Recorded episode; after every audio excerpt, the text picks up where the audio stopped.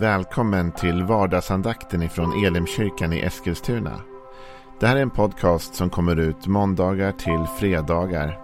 Om du vill veta mer om vilka vi är, vad vi tror på, hur du kan komma i kontakt med oss eller vad vi kan erbjuda dig för någonting så gå in på www.elimkyrkan.com.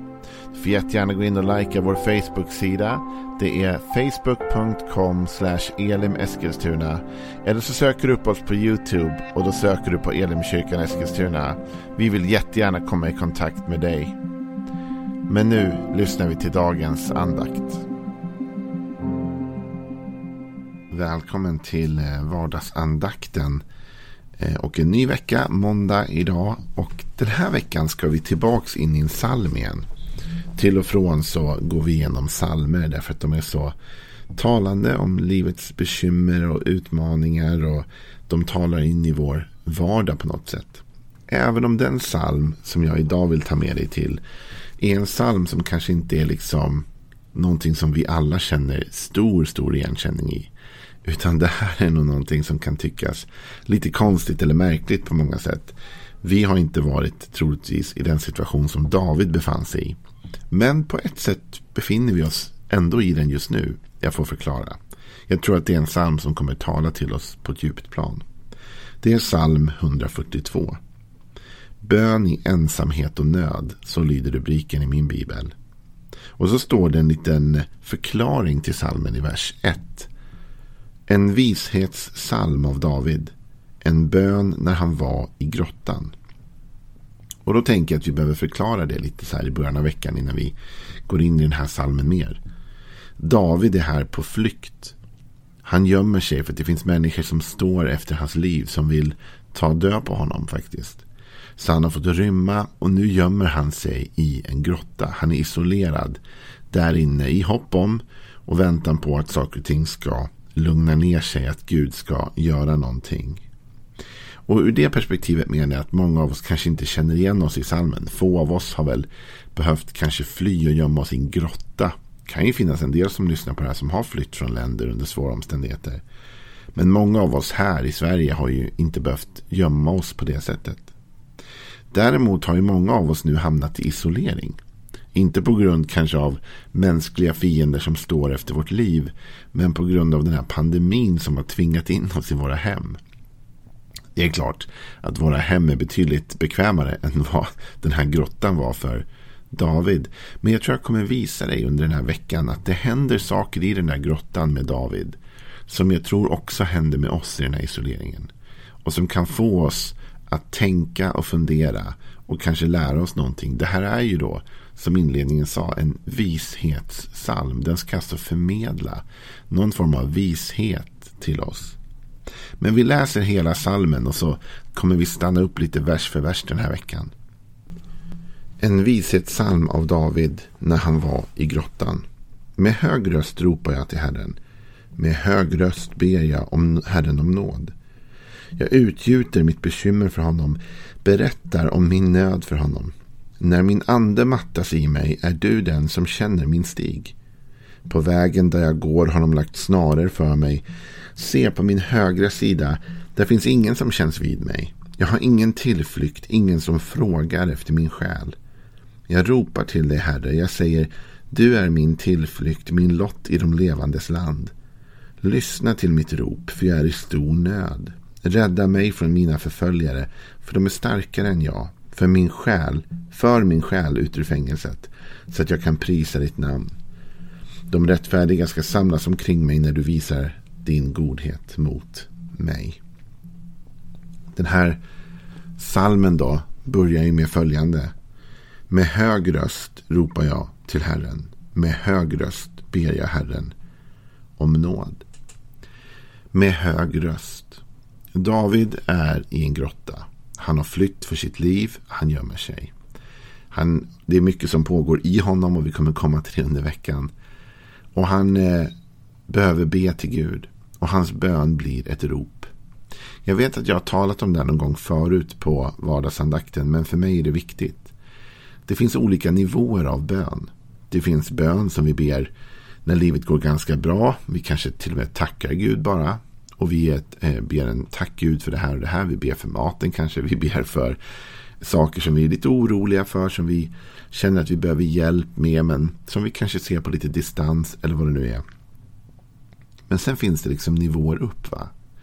Och nivå upp är när vi börjar komma ut i ett rop. När vår bön inte längre kan hållas med låg ljudvolym. Och då tänker folk så här. Jaha, så att skrikiga böner de hörs mer. Eller de, ja, de hörs mer. Men alltså att de är bättre då. Eller Gud uppskattar dem mer. Nej. Men en högljudd bön. Inte i meningen bara nu ska jag tala högt. Utan en högljudd bön i meningen jag måste få ur mig detta. Det är när frustration har byggts upp i vår kropp så mycket. Att vår bön inte längre går att förmedlas lugnt. Det är så mycket som måste ut. Vår bön är desperation. Vår bön är inte nu längre en stilla oro för framtiden. Utan nu är vår bön desperation. Nu vet vi att om inte Gud gör någonting nu så är det kört. Det är då bönen har blivit ett rop, ett skrik. Och det är inte nödvändigtvis så att den bönen behöver vara högljudd. Nu säger David att den här bönen var högljudd. Han skrek där i grottan. Men den måste inte nödvändigtvis vara högljudd. Men den måste vara desperat. Det är liksom när hela kroppen, själen, anden, allting ropar ut till Gud. Du måste hjälpa mig. Med hög röst ropar jag till Herren.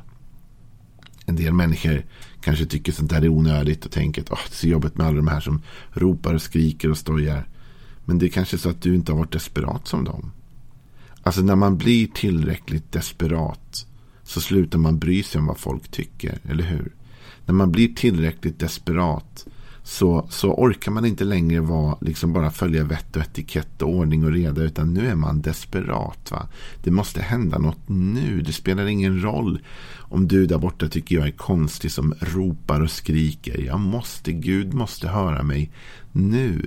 Och min erfarenhet säger mig att den där typen av desperation när människor släpper allt av vad alla andra kan tycka, tänka och bara ropar till Gud i ren desperation, frustration min erfarenhet är att den typen av bön alltid når fram till Guds hjärta.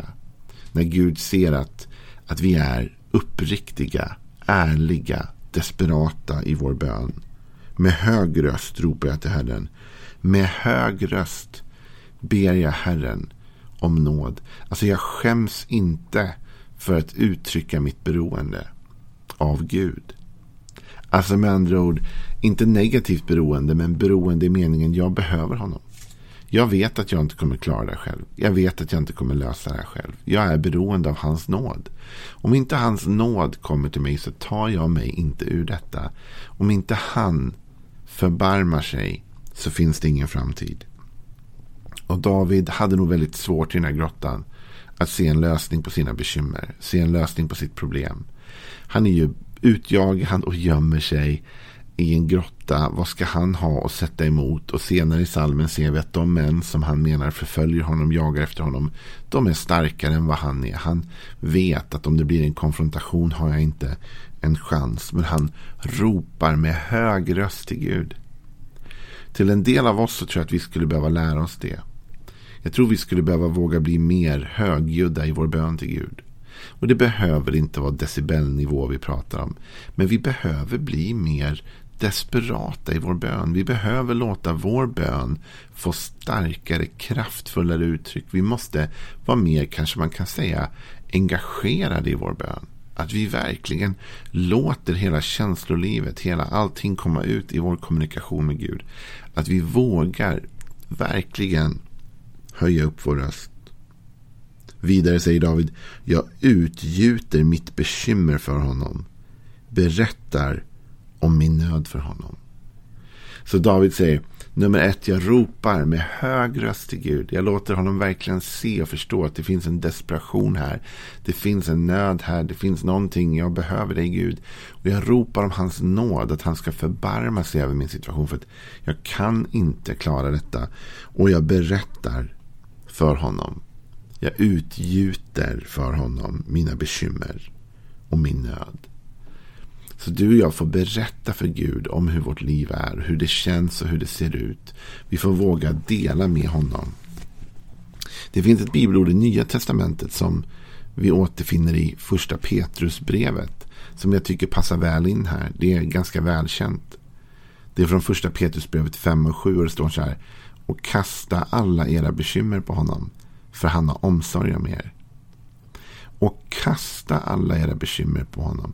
Du vet, den här versen innehåller också ett mått av, vad ska man säga, inte aggression, det är ju fel uttryckt. Men i alla fall action på något sätt, va? handling. Och kasta, det står inte lägg era bekymmer på honom eller bär era bekymmer till honom. Utan det står kasta. Det är den samma typ av frustration i det ordet kasta här som man finner i ordet ropar tidigare. När David säger jag ropade med hög röst. Samma frustration återfinner vi i detta och kasta alla era bekymmer på honom. Alltså med andra ord, det här är inte någonting vi gör bara liksom lugnt och stilla. En liten ljuständningsceremoni, vilket inte är fel med att tända ljus och be till Gud. Men det är inte det jag talar om nu. Nu talar jag om när livet blir så tungt att vi blir helt desperata. Att vår bön blir en frustration, en desperation. Och faktum är att vi ofta tänker att det måste vara väldigt illa och negativt och jobbigt att hamna där. Men det jag menar är att det är ofta starten på förändring. Det är när vi blir desperata, frustrerade. Det är när vår bön går från en bön till ett rop. Där vi tar inte längre bara och lägger fram våra bördor inför Gud. Utan vi verkligen kastar våra bördor på Gud och säger Gud nu får du ta hand om det här. För det här går inte längre. Den typen av frustration och bön måste få komma till ibland. Och innan någon säger så här till dig att nu kanske du överdriver lite grann och behöver vi inte springa så långt i förväg. Men du vet, David är i en grotta. Han har fått lämna sitt hem. Han har fått springa ut och gömma sig. Människor står efter hans liv. Jag menar, det är ingen idé att gå till David i det här läget och säga Hörru, lugna ner dig lite nu killen. Det är väl inte så farligt? Jo, det är så farligt. Det är precis så farligt. Han är på flykt för sitt liv och han gömmer sig i en obekväm plats. Och vet du, ibland så kanske folk kommer till dig och mig och så säger de så här, försöker de lugna ner och så säger du det är inte så allvarligt eller det är inte så illa eller det, det kommer fixa sig, det är lugnt bara. Men ibland måste vi säga, du det är allvarligt. Det är riktigt allvarligt. Det är illa nu. Och jag måste ropa, jag måste skrika till Gud. Om du vill kan du vara med mig här i mitt rop. Men det här är inget, ingen stilla stund. Alltså det här är ropbönemötet. Va? Det här är mötet då vi skriker och gormar. Och allt för att fånga himlens uppmärksamhet. Vi tänker inte vara tysta förrän vi vet att himlen har hört oss. Vi tänker ropa med hög röst. Och vi tänker ropa med hög röst om Guds nåd.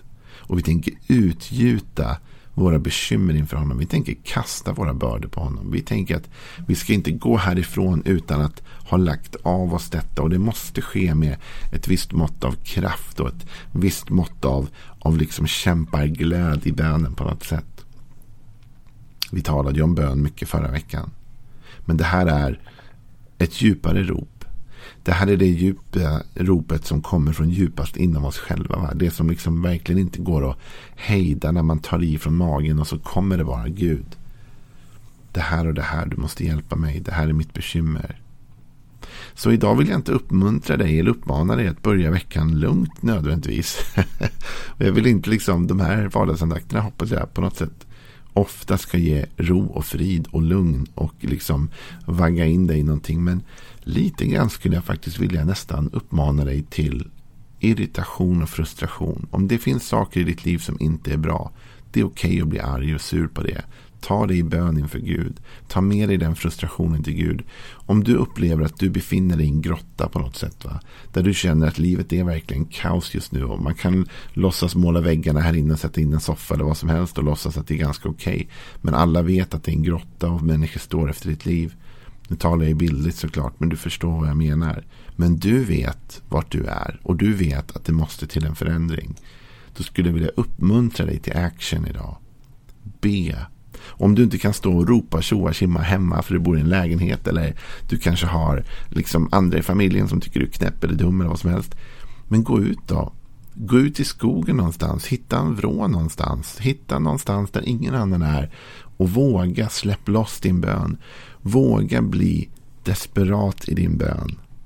Och jag tänker så här. Att vi som avslutning på den här dagen nu ska läsa Davids första ord igen. och stilla oss inför dem. När David säger Med hög röst ropar jag till Herren. Med hög röst ber jag Herren om nåd. Jag utgjuter mitt bekymmer för honom och berättar om min nöd för honom.